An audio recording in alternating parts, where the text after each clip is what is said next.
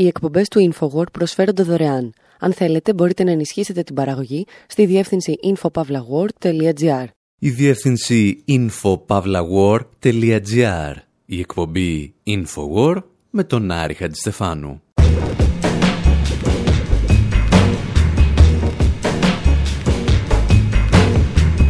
όπου σήμερα συζητάμε για πολιτοφυλακές και για ρινόκερους. Ακούμε ιστορίες για καραμπίνες, τις οποίες συνήθως κρατάνε τα παχύδερμα, αλλά μερικές φορές τις πιάνουν στα χέρια τους και οι άνθρωποι. Ταξιδεύουμε στις Ηνωμένε Πολιτείες της δεκαετίας του 30 για να δούμε τις πάντοτε φασιστικές πολιτοφυλακές να χτυπούν και Αμερικανούς πολίτες. Και αναρωτιόμαστε πώς έφτασαν όλοι αυτοί μέχρι τον Εύρο.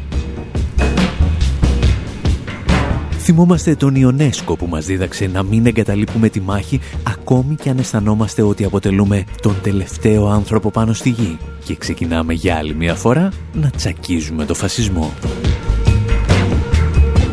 Ξεφυλίζουμε το εξαιρετικό νέο βιβλίο του Βασίλη Λιώση με τίτλο «Ναζισμός, τα αίτια γέννησης και γιγάντωσής του» που κυκλοφορεί από τις εκδόσεις Καψιμή και λέμε μερικές ιστορίες για τη φωτογραφία στο εξώφυλλό του.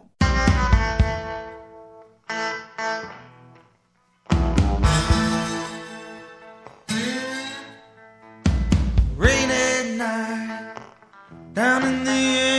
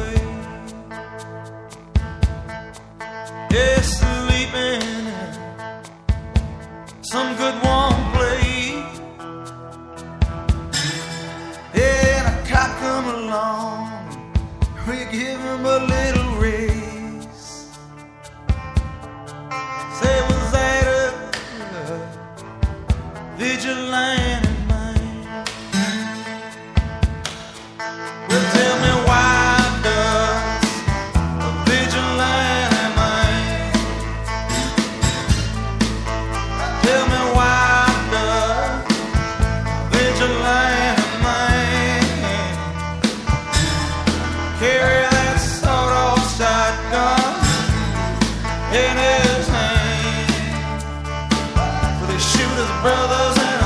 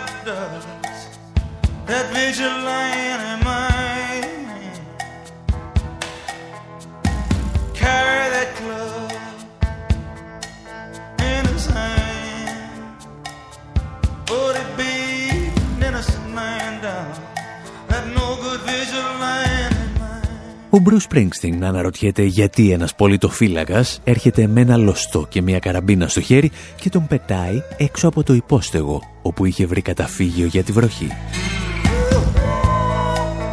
Φεύγω λέει από πόλη σε πόλη για να γλιτώσω και ο Βιτζιλάντε με καταδιώκει σαν ένα κοπάδι από ζώα. Όπου Βιτζιλάντε σε ελεύθερη απόδοση είναι τα μέλη των πολιτοφυλακών. Οι άνθρωποι που παίρνουν τον νόμο στα χέρια τους. Και κάπου εδώ θα μπορούσε να ξεκινήσει μια σειρά παρεξηγήσεων, καθώς ο όρος πολιτοφυλακή έχει χρησιμοποιηθεί στην ιστορία για να περιγράψει ομάδες πολιτών, συνήθως ενόπλων, που δεν εντάσσονται επισήμως στο στρατό ή την αστυνομία, αλλά συχνά υποκαθιστούν τα καθήκοντά τους, με ή χωρίς τη σύμφωνη γνώμη του επίσημου κράτους. Πολιτοφύλακες συναντάμε σε ακροδεξιά αλλά ακόμη και σε επαναστατικά καθεστώτα, ενώ ο όρος «vigilantes» στα αγγλικά έχει αποδοθεί ακόμη και σε μέλη τρομοκρατικών οργανώσεων. Γι' αυτό, στο εξής για τη συγκεκριμένη εκπομπή, με τον όρο πολιτοφυλακή θα αναφερόμαστε μόνο στα μέλη ακροδεξιών ομάδων ενόπλων που αποφασίζουν να πάρουν τον νόμο στα χέρια τους για να χτυπήσουν μετανάστες, πρόσφυγες, εργάτες, άστεγους ή μέλη φιλετικών μειονοτήτων. Και ξέρουμε πολύ καλά ότι αυτούς ακριβώς είχε στο μυαλό του και ο Μπρους Πρίνγκστιν. Γιατί στην πραγματικότητα το τραγούδι του είναι απλώς μια διασκευή του περίφημου Vigilante Man που παρουσίασε ο Woody Guthrie το 1940.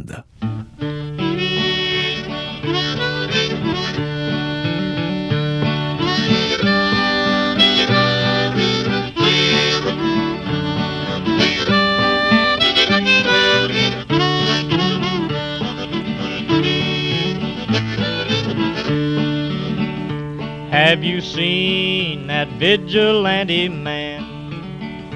Have you seen that vigilante man? Have you seen that vigilante man? I've been hearing his name all over the land. Well, what is a vigilante man? Tell me what is a vigilante man? Has he got a gun and a club in his hand? Is that a vigilante man? Το πρωτότυπο τραγούδι του Woody Guthrie ανήκει στη συλλογή Dust Bowl Ballads, τα τραγούδια που έγραψε για τις αμοθίελες που σάρωναν τις μεσοδυτικές πολιτείες των Ηνωμένων Πολιτειών τη δεκαετία του 30 αμοθίελες, τις οποίες παρεπιπτόντος προκάλεσε η υπερεκμετάλλευση του εδάφους και οι μονοκαλλιέργειες, τις οποίες είχε επιβάλει το κυρίαρχο οικονομικό σύστημα από το τέλος του Πρώτου Παγκοσμίου Πολέμου. Όπως τα κάνει και ο Τζον Στάινμπεκ Σταφύλια της οργής, ο Γούντι Γκάθρι παρακολουθεί την πορεία των εσωτερικά εκτοπισμένων Αμερικανών πολιτών που αρχίζουν να κινούνται δυτικά για να γλιτώσουν από σχεδόν βέβαιο λιμό.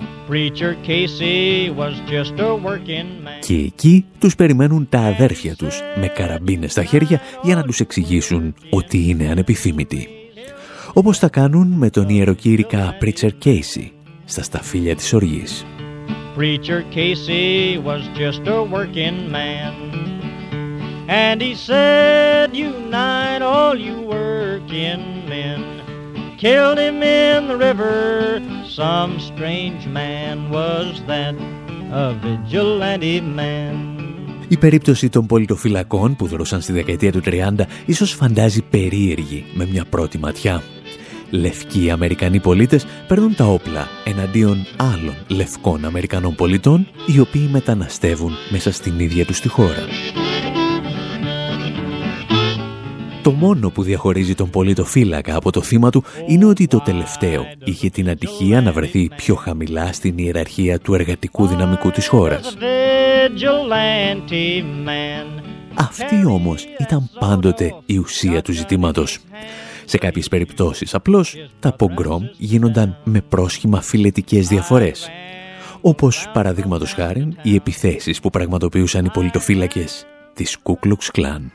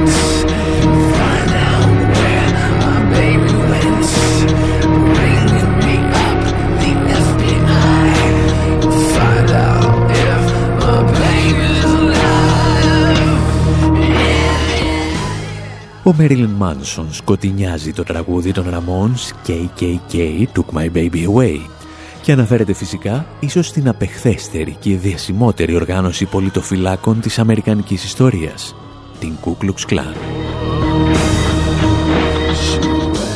Φαινομενικά, σε αυτή την περίπτωση, ο άλλος με το αλφα κεφαλαίο, ο εχθρός του πολιτοφύλακα, είναι μαύρος, οπότε τα αίτια της σύγκρουσης είναι φιλετικά και όχι ταξικά. Μην αφήνετε όμως ποτέ τα χρώματα να σας παρασύρουν. Η Κούκλους Κλάν θα γεννηθεί το 1865 από στρατιώτες του Νότου. Το όνομά της προκύπτει από την ελληνική λέξη κύκλος και το κλάν, δηλαδή την φατρία. Η πρώτη γενιά της οργάνωσης θα δράσει στην Αμερικανική Ήπεθρο. Επιτίθεται, εκτελεί και βιάζει μαύρους που μόλις έχουν απελευθερωθεί από τη δουλεία. Ή τουλάχιστον έτσι τους είχαν πει. Και σε αυτήν την περίπτωση δηλαδή, οι πολιτοφύλακες αποτελούν ένα μηχανισμό ελέγχου της νέας αγοράς εργασίας που προκύπτει. Και φυσικά χτυπούν τους πλέον απροστάτευτους εργάτες στην αλυσίδα. Γι' αυτό ακριβώς το λόγο η Κούκλουξ Κλάν θα μετεξελιχθεί πολύ γρήγορα και οι μαύροι θα σταματήσουν να είναι ο μοναδικός της στόχος. Δανειζόμαστε γι' αυτό μερικές κουβέντες από ντοκιμαντέρ του History Channel για την οργάνωση. In the 20s, a strong portion of America felt invaded. Στη δεκαετία του 20, ένα μεγάλο μέρος του πληθυσμού ένιωσε ότι απειλείται από μετανάστες και τους καθολικούς που έφταναν από άλλες χώρες. Κάποιοι ήθελαν να επαναφέρουν την Αμερική που γνώριζαν και η Ku Klux Klan τους υποσχέθηκε ακριβώς αυτό.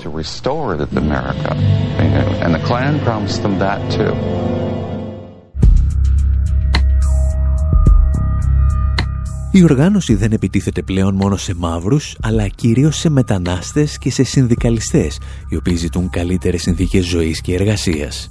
Σχεδόν δηλαδή ό,τι θα κάνει λίγο αργότερα η μαφία και σε ορισμένες περιπτώσεις και το FBI.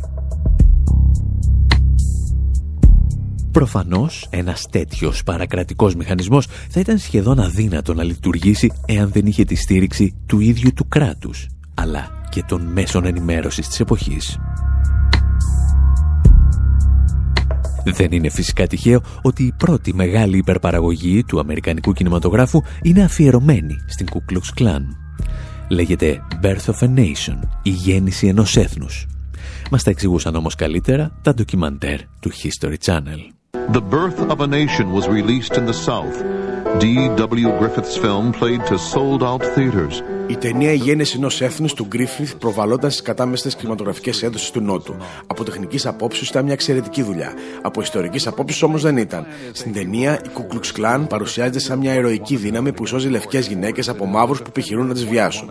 Οι μαύροι που μόλις έχουν απελευθερωθεί από τη δουλεία εμφανίζονται σαν ζώα, σαν κτίνη. Η οργάνωση λοιπόν εμφανίζεται ηθικά εξαγνισμένη. Despite its historical inaccuracies,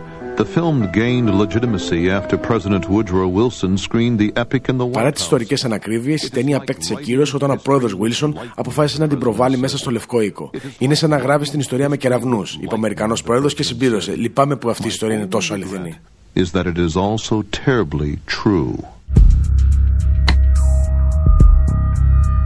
Για να ανακεφαλαιώσουμε λοιπόν, οι πολιτοφύλακες των Ηνωμένων Πολιτειών χτυπούσαν άλλοτε μαύρους, άλλοτε μετανάστες και άλλοτε λευκούς Αμερικανούς πολίτες. Αυτό που ένωνε τα θύματα τους ήταν ότι βρίσκονταν πάντα στο κατώτερο σκαλοπάτι της εργασιακής ιεραρχίας. Το χρώμα, η φύλη και η θρησκεία έπαιζαν συνήθως δευτερεύοντα ρόλο. Σε όλη αυτή τη διαδικασία τα τάγματα εφόδου απολάμβαναν είτε την ανοχή είτε την έμπρακτη στήριξη του κρατικού μηχανισμού αλλά και των μέσων ενημέρωσης, τα οποία εξυμνούσαν τη δράση τους. Κάτι σαν ακούς δελτίο ειδήσεων του Star Channel καθώς ομάδες ενόπλων αναπτύσσονταν στα ελληνοτουρκικά σύνορα. Από το Δέλτα του Εύρω και τις Σφαίρες κανείς δεν κοιμήθηκε. Όλοι ήταν σε συναγερμό. Στόχος να κρατηθούν ασφαλή τα σύνορά μας. Σε κάθε πέρασμα του Εύρου και μία ομάδα Ελλήνων. Εθνοφύλακε, στρατός, αστυνομία και απλοί πολίτες. Σημείο κίνηση για τις νυχτερινές περιπολίες στο Δημαρχείο στις Σφαίρε. Στη λίστα των εθελοντών για την περιφρούρηση συμμετέχουν περισσότερα από 500 άτομα. Έχουν μοιραστεί σε ομάδες των 10 για να μπορούν να συντονίζονται εύκολα. Και κάθε ομάδα ξέρει ποια περιοχή θα χτενίσει. Για να επιστρέψουμε όμως στην άλλη πλευρά του Ατλαντικού, οι πολιτοφύλακες, όπως εξηγήσαμε, αποτελούσαν εν τέλει ένα εργαλείο για τη ρύθμιση της αγοράς εργασίας σε βάρος πάντα των πιο αδύναμων κρίκων της αλυσίδας. Αντίστοιχες πολιτοφυλακές θα γεννήσει ο Ιταλικός φασισμός και ο Γερμανικός ναζισμός. Ο Μουσολίνη μάλιστα θα στηρίξει την άνοδό του στην εξουσία σε αυτές ακριβώς τις ομάδες ενόπλων οι οποίες σκότωναν εργάτες για λογαριασμό βιομηχάνων, όπως ο Ανιέλη. Στις Ηνωμένες Πολιτείες αντίστοιχες πολιτοφυλακές θα αναπτυχθούν τη δεκαετία του 30 για να σπάσουν τις απεργίες στις μεγάλες βιομηχανίες της χώρας. Και μία από αυτές τις απεργίες που άλλαξε για πάντα την αμερικανική οικονομία έγινε στα εργοστάσια της General Motors στο Flint του Michigan το 1936. Για έξι εβδομάδες οι εργαζόμενοι κρατούσαν τα εργοστάσια υποκατάληψη με συνεχείς συγκρούσεις με την αστυνομία και το στρατό που επιτίθονταν με δακρυγόνα και γκλόψ.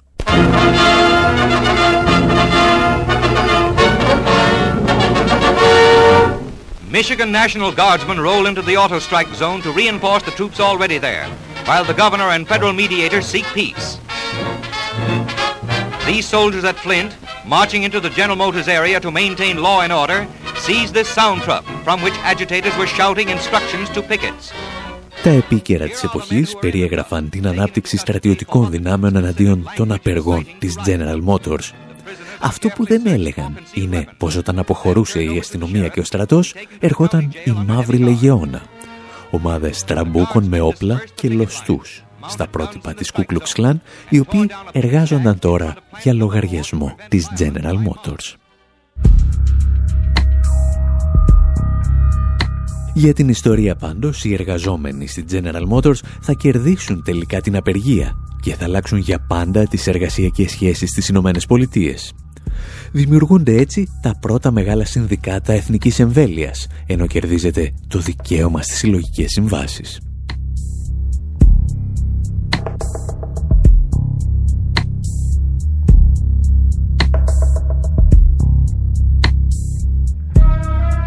Το πρόβλημα είναι ότι σχεδόν έναν αιώνα αργότερα, όταν αυτά τα δικαιώματα θα έχουν γίνει καπνός, θα κάνουν την εμφάνισή τους νέες ομάδες πολιτοφυλακών, οι οποίες αναζητούν εναγωνίως νέους αποδιοπομπαίους τράγους και τους βρίσκουν στους στοχούς μετανάστες που θέλουν να εισέλθουν από τα σύνορα του Μεξικού.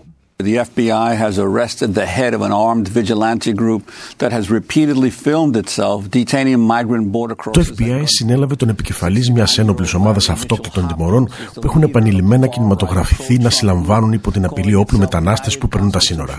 Ο 69χρονος Λάρι Μίτσελ Χόπκινς είναι ο ηγέτης ακροδεξιάς ομάδας Ενωμένοι Συνταγματικοί Πατριώτες η οποία υποστηρίζει τον πρόεδρο Τραμπ. Η Ένωση Πολιτικών Ελευθεριών έχει περιγράψει την ομάδα σαν ένοπλη φασιστική παραστατική οργάνωση. Armed and, uh, fascist militia organization.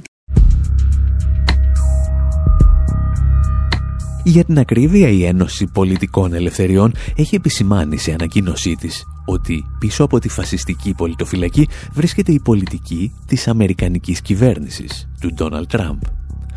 Κάτι που θα θέλαμε να ακούσουμε και από ελληνικές οργανώσεις όταν ασκούν κριτική στα φιλοναζιστικά τάγματα εφόδου που δημιουργούνται στα ελληνικά σύνορα. The Trump administration's vile racism has emboldened white nationalists and fascists. Ο άθλιος ρατσισμός της κυβέρνησης Τραμπ έχει ενθαρρύνει τους λευκούς εθνικιστές και τους φασίστες για να παραβιάζουν απόκλητα τον νόμο. Αυτό δεν έχει θέση στο κράτος μας. Δεν μπορούμε να επιτρέψουμε σε ρατσιστές και απλισμένους τιμωρούς να απαγάγουν και να φυλακίζουν ανθρώπους που αναζητούν άσυλο. Σας προτρέπουμε να ερευνήσετε άμεσα αυτή την απέσια και παράνομη συμπεριφορά.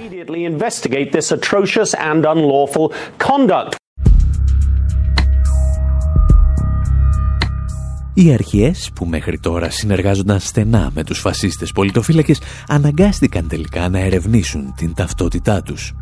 Και από πίσω βρήκαν αυτό που θα λέγαμε μια παρακρατική τρομοκρατική οργάνωση την οποία διοικούσε ο Λάρι Μίτσελ Χόπκινς. According to documents unsealed in court Monday, Hopkins was first brought to the attention of federal authorities in 2007. Σύμφωνα με έγγραφα που αποκαλύφθηκαν στο δικαστήριο τη Δευτέρα, ο Χόπκινς πρωτοήρθε στην προσοχή των Ομοσπονδιακών Αρχών το 2017, όταν το FBI έλαβε αναφορές πως η ομάδα του προετοιμαζόταν για να δολοφονήσει τον Μπαράκ Ομπάμα, τη Χίλαρη Κλίντον και τον Τζορτζ Σόρος. Η σύλληψη του το Σάββατο για κατηγορίες οπλοκατοχής έρχεται 12 χρόνια μετά τη σύλληψή του για αντιποίηση αρχής και 20 χρόνια από την καταδίκη του για παράνομη οπλοκατοχή στην πολιτεία του Μίσιγκαν το 1996.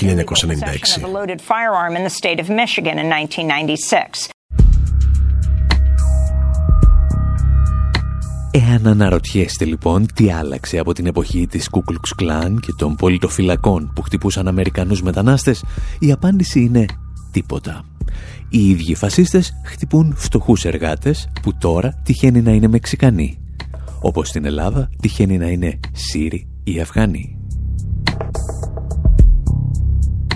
Εσείς πάντως μένετε εδώ, γιατί στο δεύτερο μέρος της εκπομπής παρουσιάζουμε μερικές συμβουλές για το πώς να μην γίνετε ρινόκεροι και πώς να χρησιμοποιείτε τις καραμπίνες σας.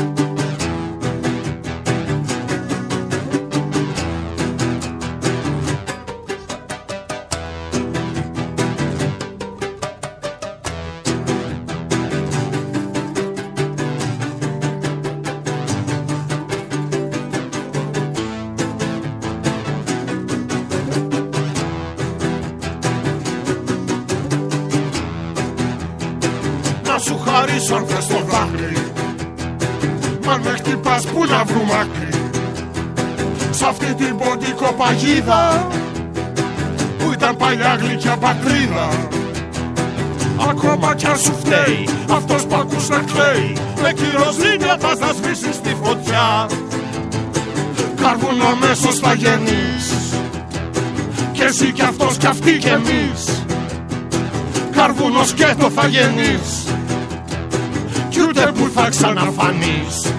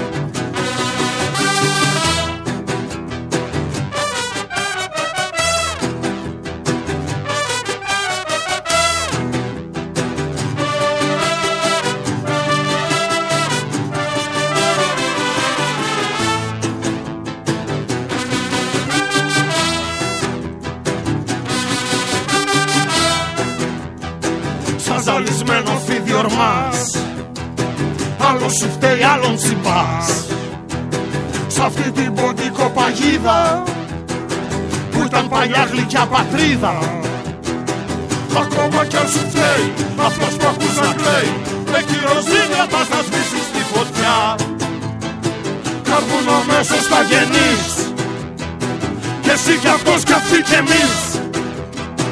Καρβούνος και το θα γεννείς Κι ούτε που θα ξαναφανείς. Τσα τσα τσα Οι εκπομπές του InfoWord προσφέρονται δωρεάν. Αν θέλετε, μπορείτε να ενισχύσετε την παραγωγή στη διεύθυνση infopavlagor.gr.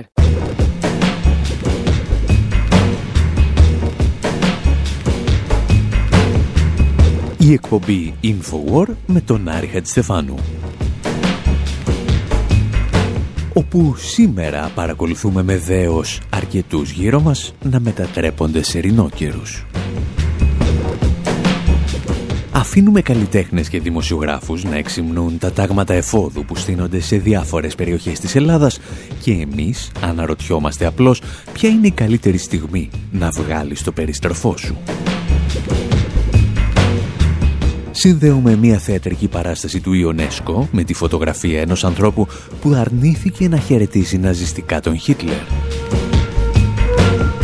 Και καταλήγουμε μετά από όλα αυτά στην παρουσίαση του νέου βιβλίου του Βασίλη Λιώση με τίτλο «Ναζισμός, τα αίτια γέννησης και γιγαντωσής του», το οποίο θα συμπαρουσιάσουμε αυτή την Κυριακή 8 Μαρτίου στην Αθήνα.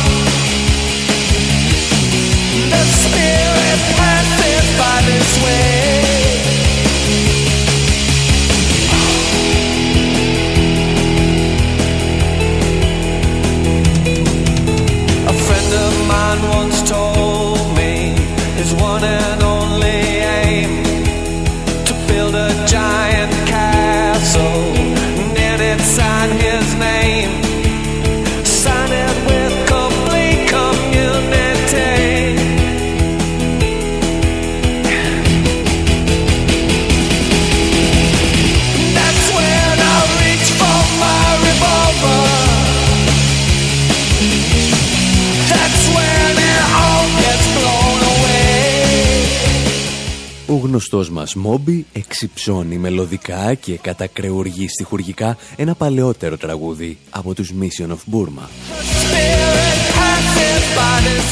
Για τις ανάγκες αυτής της εκπομπής, η μόνη ενδιαφέρουσα πληροφορία που θα θέλατε να ξέρετε για το συγκεκριμένο συγκρότημα είναι ότι διαλύθηκαν το 1983.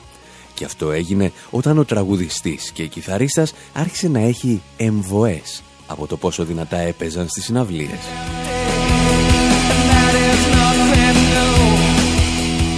Πιο απλά άρχισε να ακούει κάτι ήχους στα αυτιά του το 1983 και μάλλον τους ακούει ακόμη και σήμερα.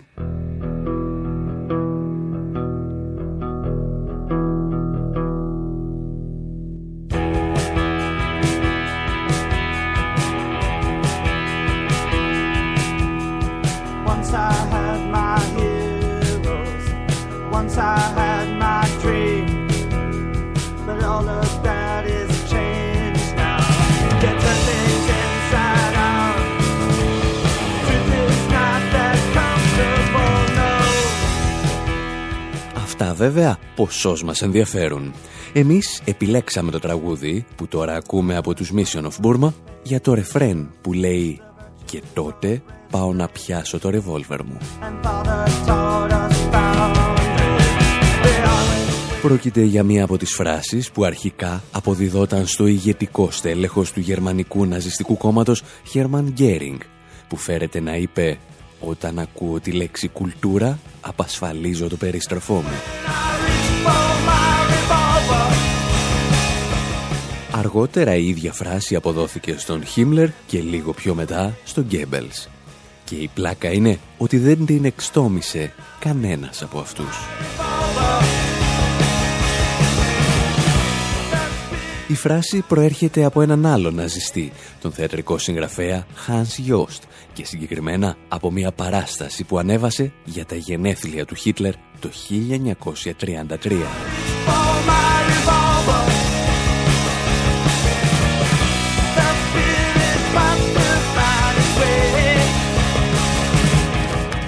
Σε κάθε περίπτωση και για να επιστρέψουμε στην ιστορία μας, για έναν ναζιστή αξιωματούχο, το να τραβήξει το περίστροφό του και να σκοτώσει όποιον έλεγε τη λέξη κουλτούρα ήταν απόλυτα φυσιολογικό.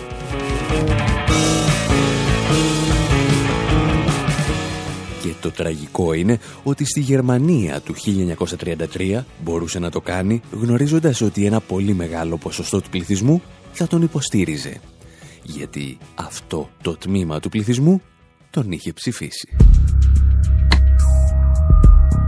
Το κόμμα του Χίτλερ μπορεί να μην είχε έρθει βέβαια πρώτος στις εκλογές και σίγουρα δεν θα είχε καταφέρει τίποτα αν δεν χρηματοδοτούνταν άμεσα από τους μεγαλύτερους Γερμανούς βιομήχανους. Σε κάθε περίπτωση όμως εδραζόταν σε ένα μαζικό κίνημα, το οποίο μάλιστα συνέχισε να γιγαντώνεται και μετά την άνοδο του Χίτλερ στην εξουσία. Γιατί, όπως μας εξηγούσε στο ντοκιμαντέρ «Φασισμός ΑΕ» και ο καθηγητής ιστορίας Σπύρος Μαρκέτος, ο φασισμός είναι τελικά ένα μαζικό κίνημα. Το πρόβλημα με το φασισμό από τη σκοπιά των αστών είναι ακριβώς ότι πρόκειται για κίνημα. Που σημαίνει ότι είναι ανεξέλεκτο, τα κίνημα δεν μπορείς να τα ε, ξεκινάς και να τα σταματάς κατά βούληση. Και όπως καταλαβαίνουν όσοι έχουν ελάχιστη ιστορική εμπειρία μπορούν να γίνουν και επικίνδυνα για αυτούς που τα ξεκινούν. Το ερώτημα όμως που μας απασχολεί σήμερα είναι τι γίνεται σε εκείνες τις περιπτώσεις που βρίσκεσαι σαν μειοψηφία απέναντι σε αυτή την παραπλανημένη πλειοψηφία από παραπλανημένους φασίστες. Μπορείς εσύ να τραβήξεις συμβολικά το περιστροφό σου; Αφήνουμε να μας βάλουν στο κλίμα οι Smashing Pumpkins και επιστρέφουμε.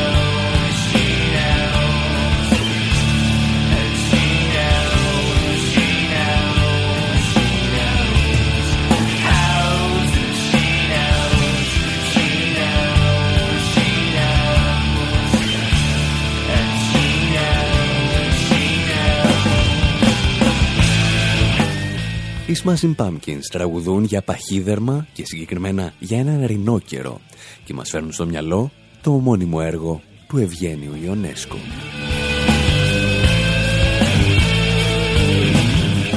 Ένα έργο που ο ίδιος εμπνεύστηκε από τα μαθητικά του χρόνια στο Βουκουρέστι. Βρέθηκε λέει εκεί όταν η πλειονότητα του πληθυσμού άρχισε να φλερτάρει με τον ναζισμό. Je me trouvais dans un pays où j'étais en désaccord avec la majorité. Βρισκόμουν ως μαθητής σε μια χώρα που διαφωνούσα με την πλειονότητα των συμμαθητών μου, των καθηγητών μου ή των συγγραφέων. Όλοι αυτοί άρχισαν σταδιακά να γίνονται ναζιστές. Καθώς δεν είχα καμία επαφή με αυτόν τον κόσμο, αισθανόμουν σαν να βρίσκομαι ανάμεσα σε τέρατα. Άρχισα να σκέφτομαι ότι αν ήταν όλοι τους ναζιστές και εγώ δεν ήμουν, μήπως τελικά ήμουν εγώ το τέρας. Et moi pas, que c'est moi le monstre peut-être. Από αυτές τις σκέψεις θα γεννηθεί μερικά χρόνια αργότερα ο Ρινόκερος, ένα από τα θεατρικά αριστουργήματα του 20ου αιώνα. Ο ήρωας βλέπει όλους γύρω του να μετατρέπονται σε παχύδερμα έως τη στιγμή που μένει ολοκληρωτικά μόνος και πρέπει να πάρει την τελική απόφαση. Γιατί σε αυτές τις κρίσιμες στιγμές, ξέρετε, όλα είναι απόλυτα δική μας απόφαση. Πρέπει λοιπόν να αποφασίσει αν θα γίνει και αυτός ρινόκερος ή αν θα μείνει ο τελευταίος άνθρωπος. Και αν δεν έχετε δει την παράσταση, είμαστε στην ευχάριστη θέση να σας προδώσουμε το τέλος. Κεντρική σκηνή Εθνικού Θεάτρου 1997. Γιώργος Μιχαλακόπουλος. Έπρεπε, έπρεπε, έπρεπε να τους ακολουθήσω όσο ήταν καιρός. Έπρεπε να τους ακολουθήσω όσο ήταν καιρός. Τώρα πια είναι πολύ αργά, είναι πάρα πολύ αργά. Αλίμονο, αλίμονο δεν θα μπορέσω να γίνω ρινόκερος. Δεν θα μπορέσω να γίνω ρινόκερος. Αλίμονο, σε όποιον θέλει να διατηρήσει την ιδιαιτερότητά του και την ιδιομορφία. Όχι, όχι να σας πολεμήσω. Όχι να σας πολεμήσω. Πού είναι το όπλο μου. Πού είναι το όπλο μου. Θα υπερασπίσω τον εαυτό μου. Θα υπερασπίσω τον εαυτό μου ενάντια σε όλο τον κόσμο. Θα τον υπερασπίσω γιατί είμαι ο τελευταίος άνθρωπος που απόμεινε και θα μείνω στο τέλος. When they kick at your front door,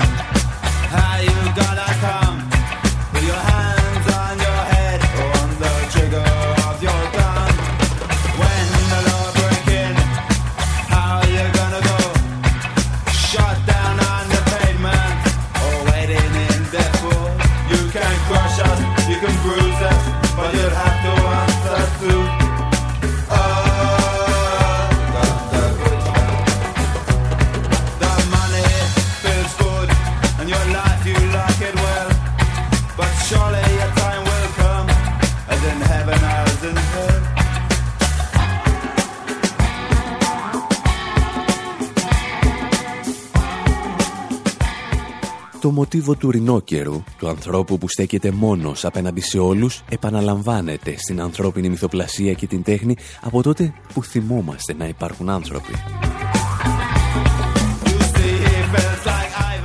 Στοιχεία του μπορεί να εντοπίσει κανείς από τον Προμηθέα μέχρι τον Χριστό και από τον Δον Κιχώτη μέχρι τον Ιονέσκο. You know it means no mercy. They caught him with a gun. Τις καλύτερες ιστορίες όμως τις πλάθει πάντα η πραγματικότητα.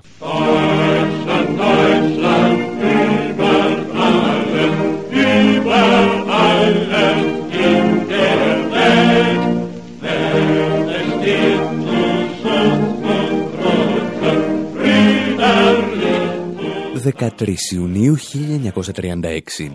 Στο Αμβούργο το ναζιστικό καθεστώς γιορτάζει την καθέλκυση ενός εκπαιδευτικού σκάφους μπροστά σε ένα πλήθος που αλλαλάζει από ενθουσιασμό και χαιρετά ναζιστικά. Μόνο που μέσα σε αυτό το πλήθος βρίσκεται και ένας άνθρωπος που ονομάζεται August Landmesser και αρνείται να σηκώσει το χέρι και να χαιρετήσει ναζιστικά. Ο Λαντμέσερ δεν ήταν Άγιος. Είχε αναγκαστεί και αυτός να γίνει μέλος του ναζιστικού κόμματος γιατί ήταν ο μόνος τρόπος να βρει δουλειά στο ναυπηγείο του Αμβούργου. Ακριβώς όμως επειδή δεν ήταν Άγιος και ήταν άνθρωπος με ανάγκες και αδυναμίες όπως και εμείς, μπορούμε να τον χαρακτηρίσουμε ήρωα. Εάν δεν υπήρχε ο Λαντ Μέσερ σε αυτή την περίφημη φωτογραφία, όσοι χαιρετούσαν ναζιστικά γύρω του θα ήταν παραπλανημένοι υποστηρικτές του Χίτλερ. Χάρη στον Λαντ Μέσερ ξέρουμε ότι ήταν ναζιστές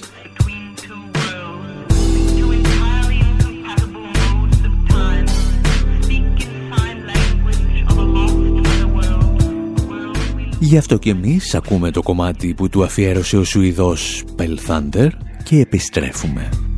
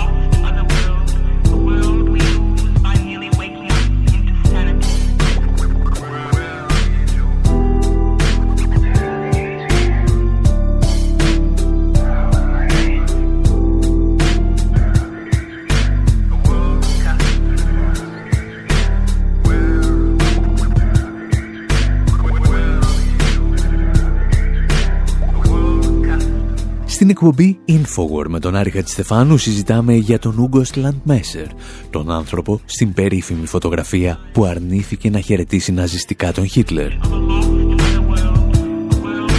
Και μεταξύ μας, ο βασικός λόγος που τον θυμηθήκαμε είναι ότι τον είδαμε στο εξώφυλλο του νέου εξαιρετικού βιβλίου του Βασίλη Λιώση με τίτλο «Ναζισμός, τα αίτια γέννησης και γιγάντωσής του», το οποίο βιβλίο κυκλοφορεί από τις εκδόσεις Καψιμή. Η παρουσίασή του, στην οποία θα πω και εγώ δύο κουβέντες εκ του μακρόθεν, θα γίνει την Κυριακή 8 Μαρτίου στις 6 το απόγευμα στο Ilion Plus, Πατησίων και Κοδρεκτόνος 17 στην Αθήνα. Και εκτός από τον συγγραφέα θα μιλήσουν ο Κώστας Αγγελάκος, καθηγητής τμήματος Ιστορίας και Αντιπρίτανης του Ιωνίου Πανεπιστημίου και ο δημοσιογράφος Κώστας Ράπτης. Ίσως ό,τι πιο επίκαιρο και ενδιαφέρον μπορείτε να διαβάσετε αυτό το διάστημα για τον ναζισμό, ενώ θα παρατηρείτε τους γύρω σας να μετατρέπονται σε ρινόκερους και εσείς θα αναζητείτε την καραμπίνα σας. Εμείς θα επανέλθουμε πολλές φορές σε αυτό το βιβλίο, αλλά για σήμερα λέμε να σας αφήσουμε. Να θυμάστε ότι μπορείτε να μας διαβάζετε στη σελίδα info.pavlawar.gr και να μας βρίζετε στο Facebook, το Twitter και το Instagram. Μέχρι την επόμενη εβδομάδα πάντως, από τον Άρη Χατζηστεφάνου στο μικρόφωνο, τον Ανδρέα Κοσιάρη στην παραγωγή και τον Δημήτρη Σαθόπουλο στην τεχνική επιμέλεια, γεια σας και χαρά σας.